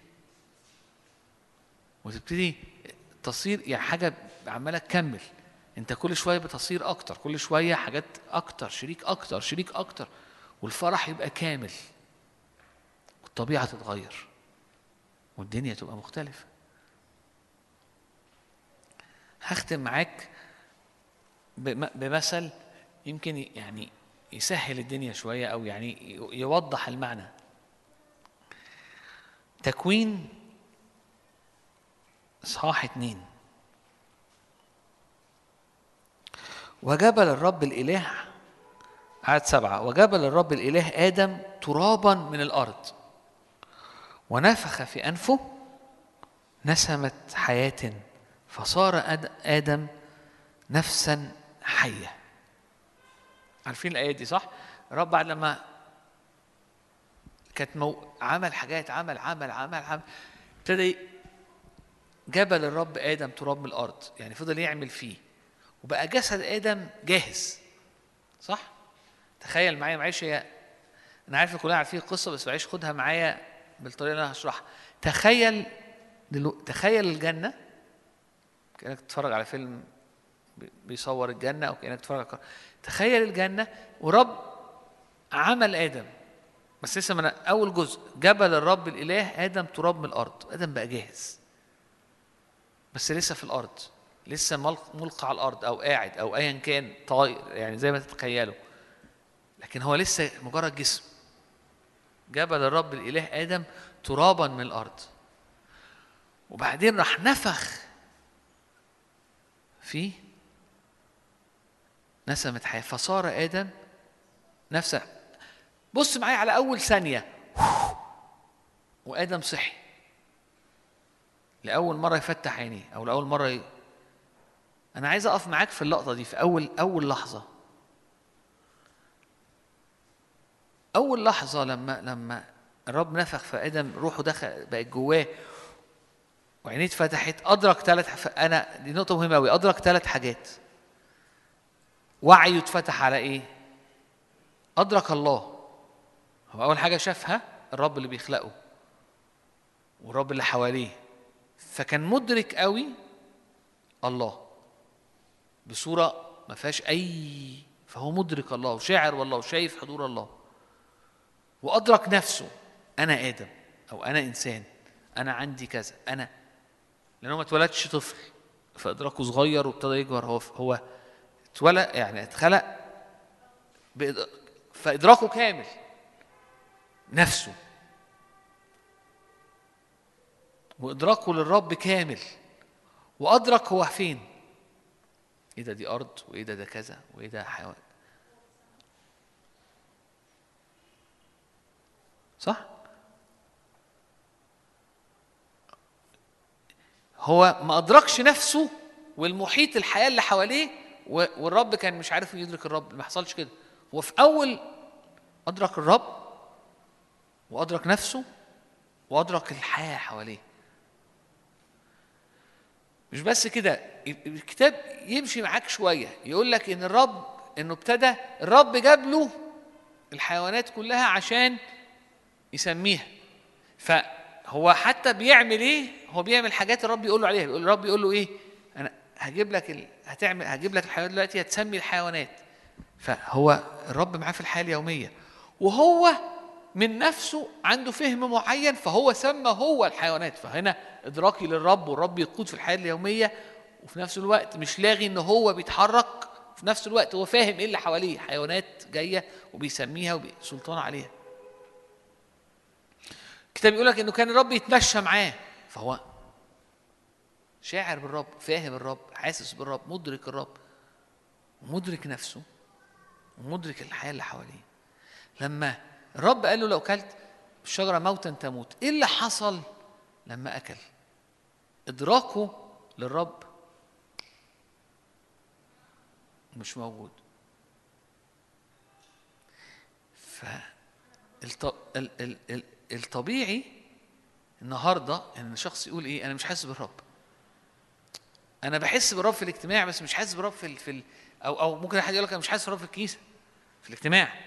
وحتى يقول لك لا أنا بقيت, أحس بالرب في الاجتماع. مش حاسس بالرب في الحياة اليومية. يعني شغلي ما تقوليش الرب في الشغل. ما تقوليش أنت بفتح كده ما أحسش بالرب. وعي وإدراكي وإحساسي بالرب بسبب السقوط كأنه راح. فبقى الإنسان واعي لنفسه واعي لل- للحياة اللي حواليه لكن نظرة غلط. ليه؟ لأنها فيها ركن أهم ركن مش موجود. اني واعي إن وعي ينفتح للرب وأفهم الرب. لما جه يسوع عمل إيه؟ إدانا حياة ولدنا بالروح عشان يفتح الوعي بتاعنا للرب مرة تانية. فنصير أبناء الله فيتفتح وعينا للرب.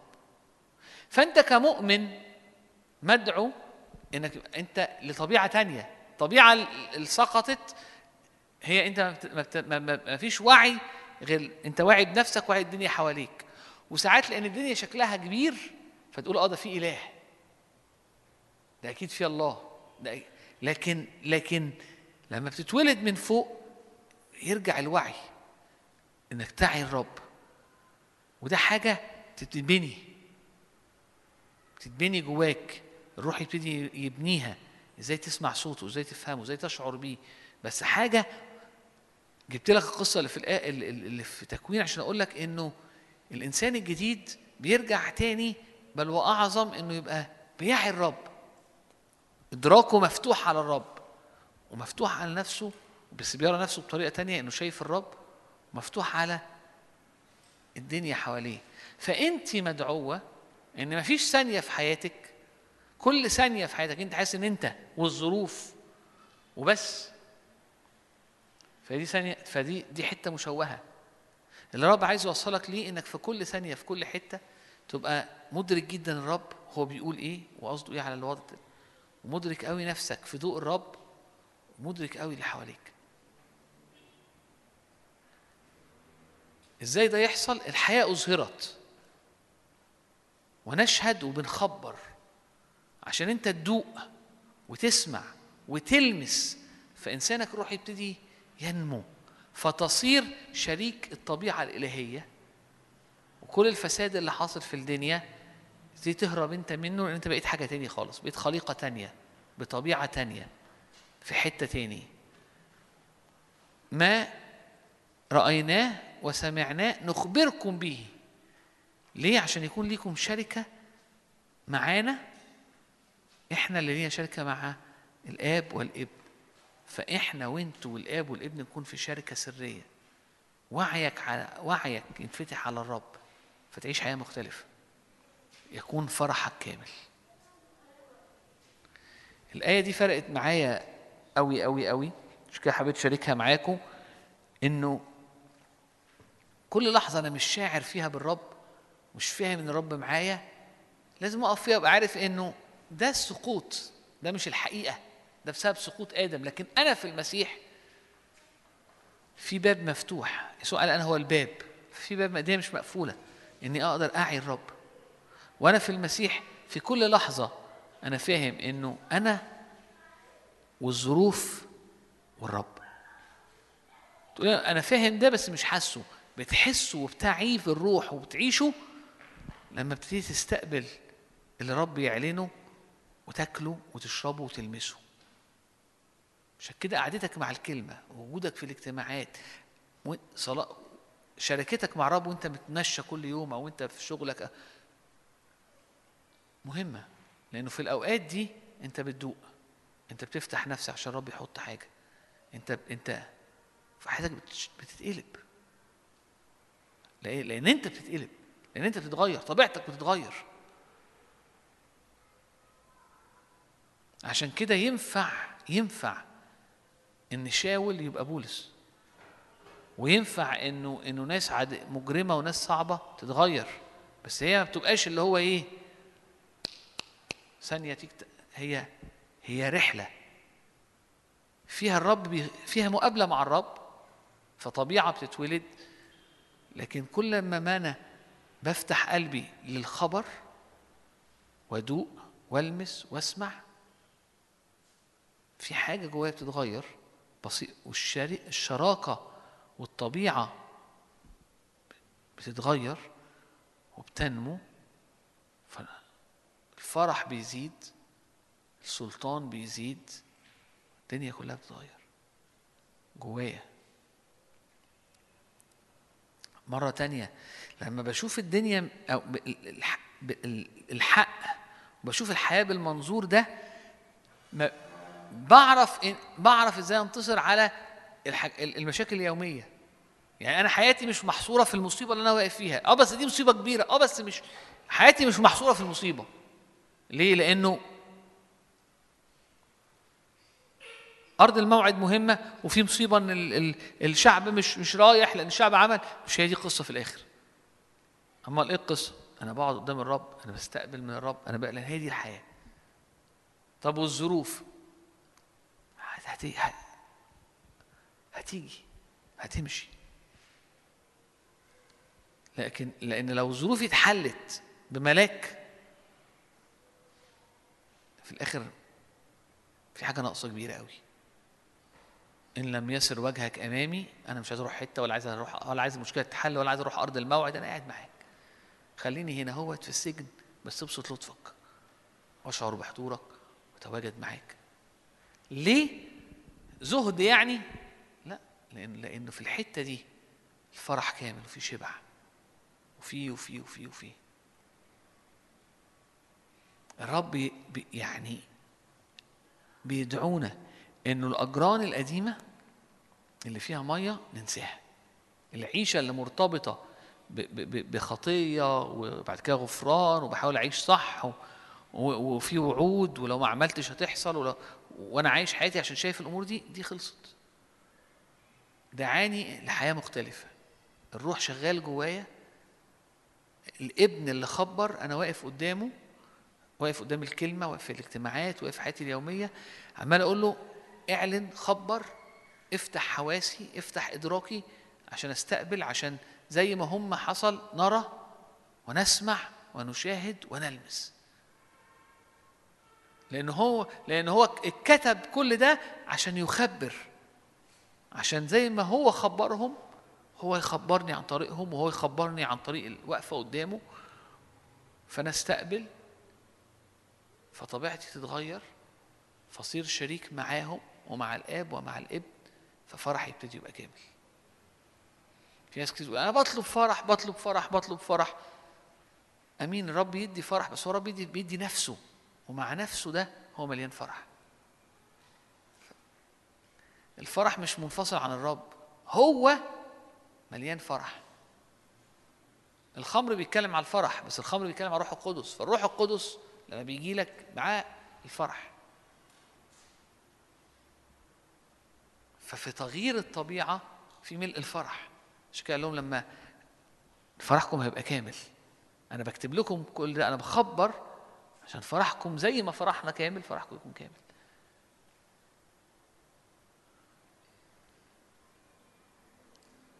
أمين ولا تنحين ما أو يعني توه توهتك ولا إيه؟ لأ.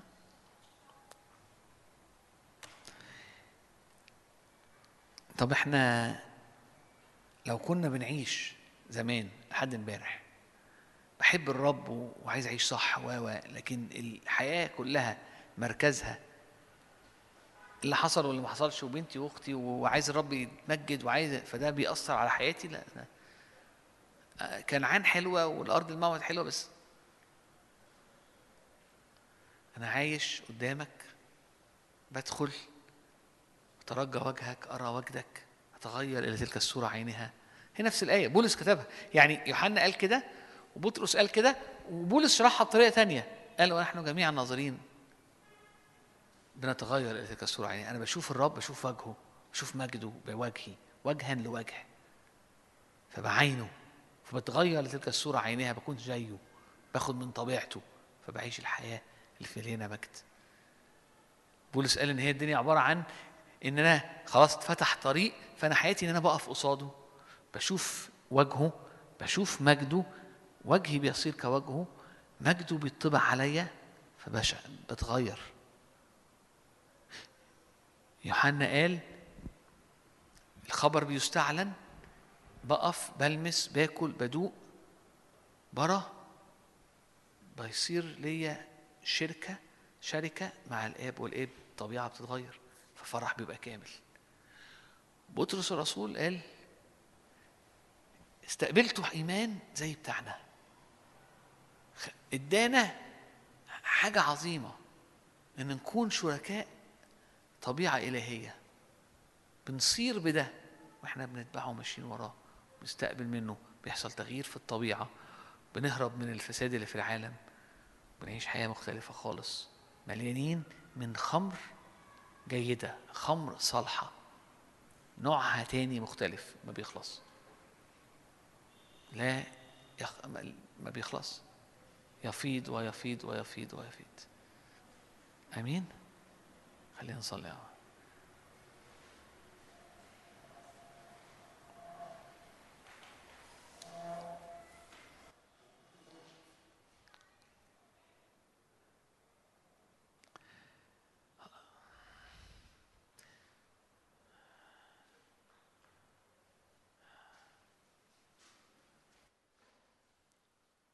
عشان كده يسوع قال أنا هو الطريق. عشان كده يسوع قال أنا هو الباب. فأنا طريق لده طريق لتغيير طبيعتك. أنا الباب للمجد. أنا الحق. الحق هنا مش معناها معناها رياليتي الحاجة ال- الرياليتي كل الحاجات التانية أشباه وظلال. بس أنا الحق. هللويا. يا رب بنقف قصادك. يا رب النهارده يا رب نقف قصادك. بيقول لك يا رب ادينا حياتنا تنسكب قدامك. حياتي يا رب عين مفتوحة قلب مفتوح ايدين مفتوحة قلب متسع يا رب عشان يستقبل يا رب آه، آه، حضورك ويستقبل كلمتك ويستقبل كل إعلان ويستقبل الخبر. عايزين عايزين نستقبل كلمة الله. عايزين نستقبل حياة الله. املانا يا يسوع تعال علينا يا رب. كل مرة بنقعد مع الكتاب كل مرة بنيجي الاجتماع كل مرة بنقعد نصلي إحنا إحنا مش داخلين وقدامنا مشاكلنا وقدامنا أحلامنا وقدامنا إحنا داخلين لنعاين مجدك عشان نستقبل الخبر. عشان نسمع ما يقول الروح. عشان نلمس يسوع. وبعديها كل حاجة هتطيب وبعديها كل حاجة تانية. عشان كده قال لهم اطلبوا أولا ملكوت الله. كل الباقي هيزاد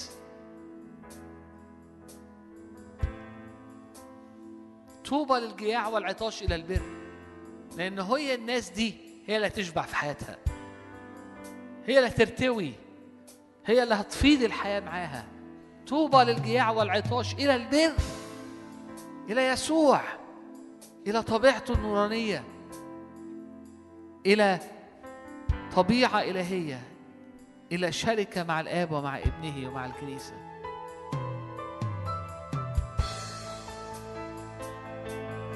يسوع المسيح بموته قد فتح لك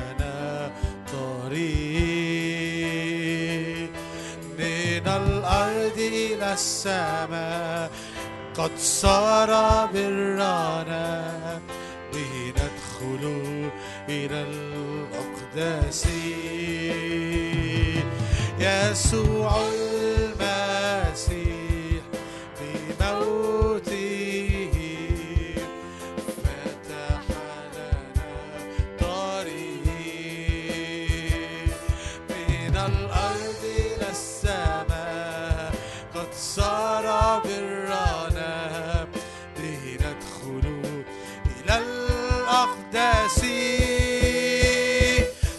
رافع النقاب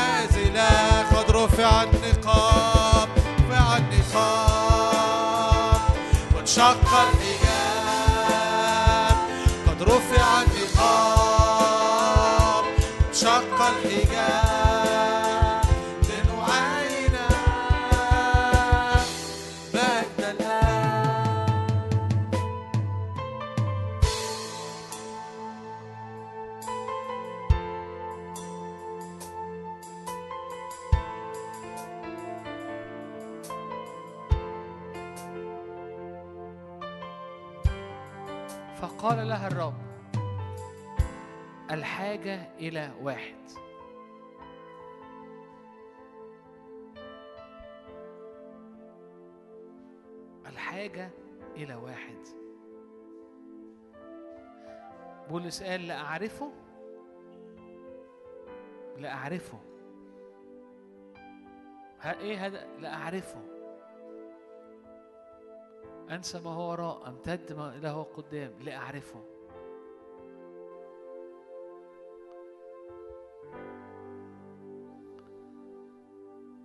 إن لم يسر وجهك أمامي لا تصعدني من ها هنا. انت المركز. انت اللي أنا محتاجه انت اللي عيني عليه. مش محتاجك عشان احل مشاكلي مش محتاج عشان احقق وعودي. أنا محتاجك لأنه بنورك ارى نور ولأنه فيك بتغير بصير شريك الطبيعة الإلهية. لانك انت بتخبر انت بتعلن وفي استقبال الخبر في استقبال الكلمة في استقبال الإعلان نور ونعمة حياة.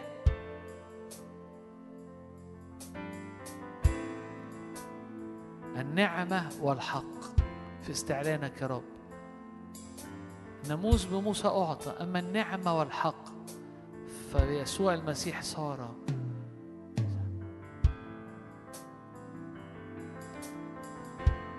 يمكن رنمناها كتير كل اللي أنا محتاجه هو أنت. بس مش عارف هل كنت بترنمها إنه أنا محتاجك يا رب عشان واحد اتنين تلاتة ك يعني كحد تيجي تظبط حاجات تعمل لي حاجات؟ ولا أنا محتاجك يا رب لأني بمعنى إنه أراك أرى وجهك أرى قلبك أسمعك ألمسك أشوفك أدوقك فأتغير. ايا كانت الظروف ايا كانت الحياة ايا كانت الأحداث.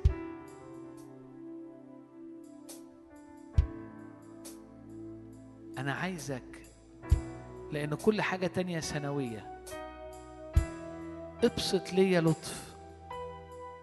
تعالى وخبر ليا. افتح وعي. عشان أستقبل نعمة عشان أستقبل كلمة عشان استقبل طبيعتك عشان استقبل حقك. اللي بيبني طوبة طوبة فيا وبيغيرني لأصير شريك طبيعة إلهية. عشان يكمل فرحي.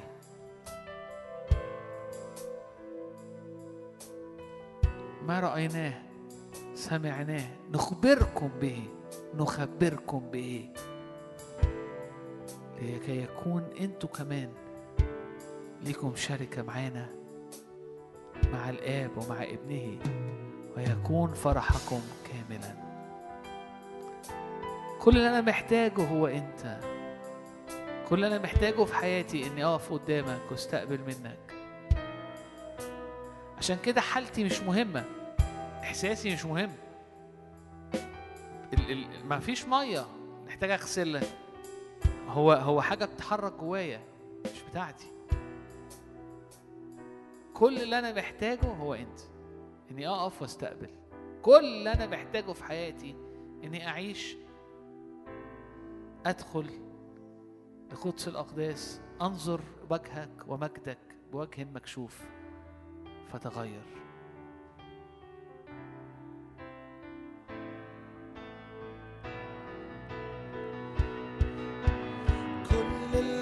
محتاجه هو انت.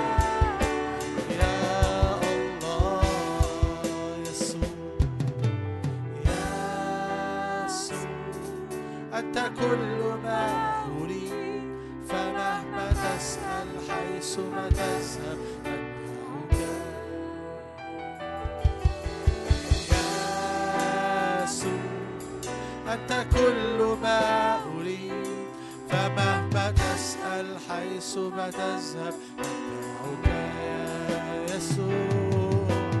يا يسوع أنت كل ما أريد. فمهما تسأل؟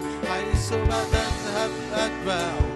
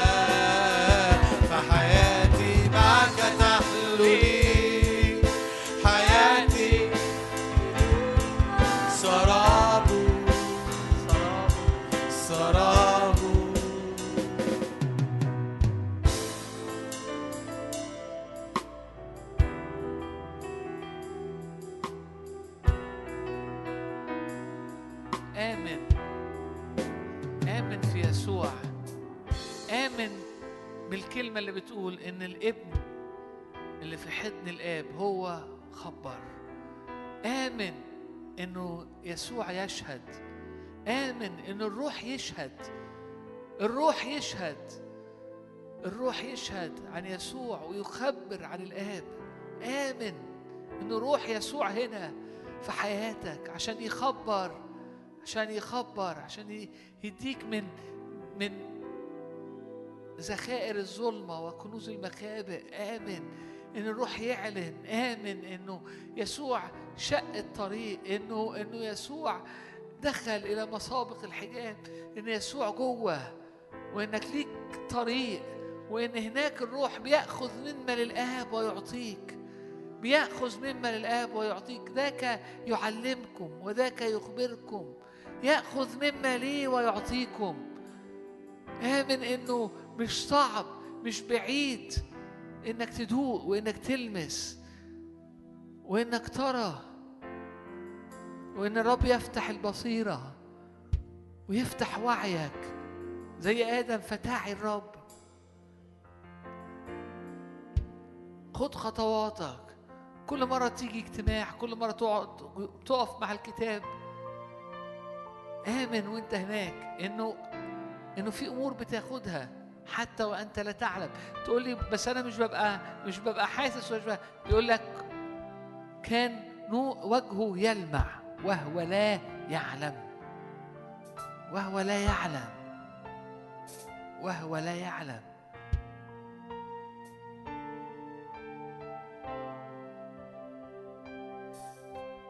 أعطني إيمانا فأرى ما لا يرى.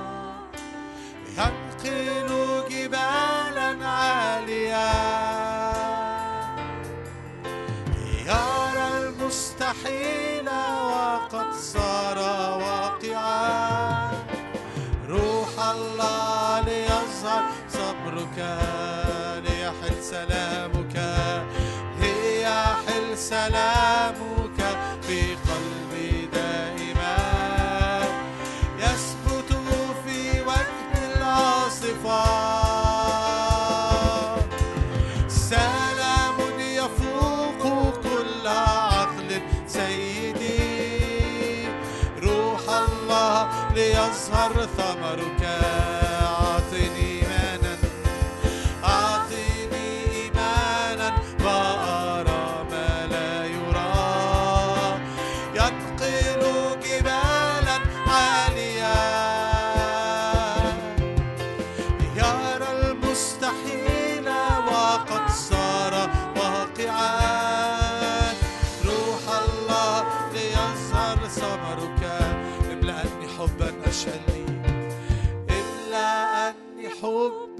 واشعلني بنارك. أبقى ليسوع خادما. يعطف قلبي له بكلام صالح. روح الله ليظهر ثمرك أعطني إيمانا.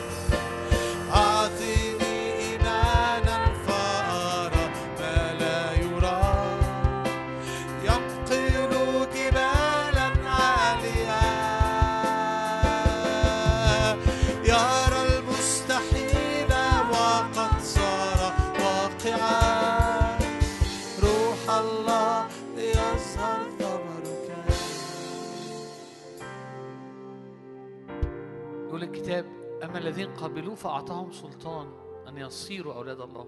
كلمة يصيروا دي حاجة مضارعة يعني أنت كل شوية بتتغير كل شوية بتصير ابن. ليك سلطان النهاردة إنك تقعد وتستقبل فتتغير الطبيعة إنك تقف قدام مجده وجهه الممجد بوجهك فيتغير طبيعتك. فليك سلطان إنك تصير إن يبتدي يحصل تغيير في الطبيعة وتصير أكثر ابنا وتصير وتصير وتصير. فتصير شريك الطبيعة الإلهية فتكون مثله من خلال الشركة. سلطان إن يبقى في شركة سلطان إن ترى وجهه ومجده بوجه مكشوف. فتصير ابن. ليه جبت الآية دي؟ عشان الآية دي بتقول لك إنه اداك حاجة سلطان حاجة غير عادية إنك تتحول سلطان إنك تفضل تتغير لصورة يسوع. نكون مشابهين لصورة ابنه. ليكون هو بكر وسط إخوة كثيرين. إحنا هناخد خمس دقايق تانية في الاجتماع. لو أنت محتاج حاسس إنه محتاج صلاة هنصلي سريعا جدا. أستأذنك ممكن بس تطلع تقف لي على في الآيل هنا في الممر. وهنكمل خمس دقايق تاني عبادة للرب. وأنا كل مشغول أنا مش صلي أي احتياجات. أنا أنا عايز اصلي إن الرب يفتح قلوبنا يفتح عينينا يفتح إدراكنا وعينا عليه أكتر وأكتر. إيماني إن ده حصل إن ده بيحصل في الاجتماع وأنت جعان وأنت طالب الرب بس لو أنت شاعر إنك عايز كمان حد يصلي معاك ممكن نعمل ده. بس أنا عندي خمس دقايق بس عشان بعديها لازم نرجع.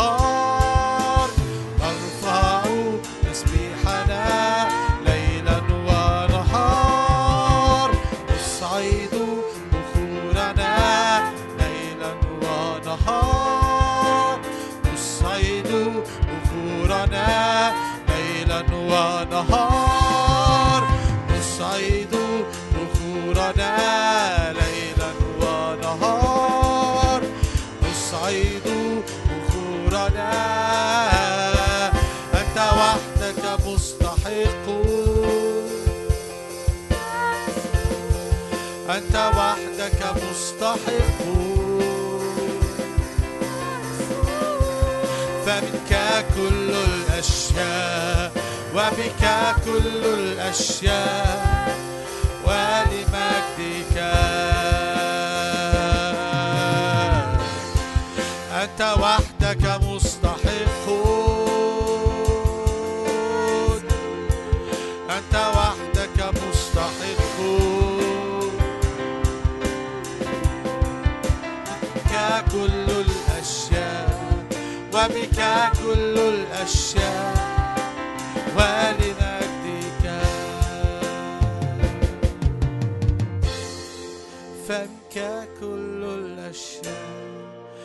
وبك كل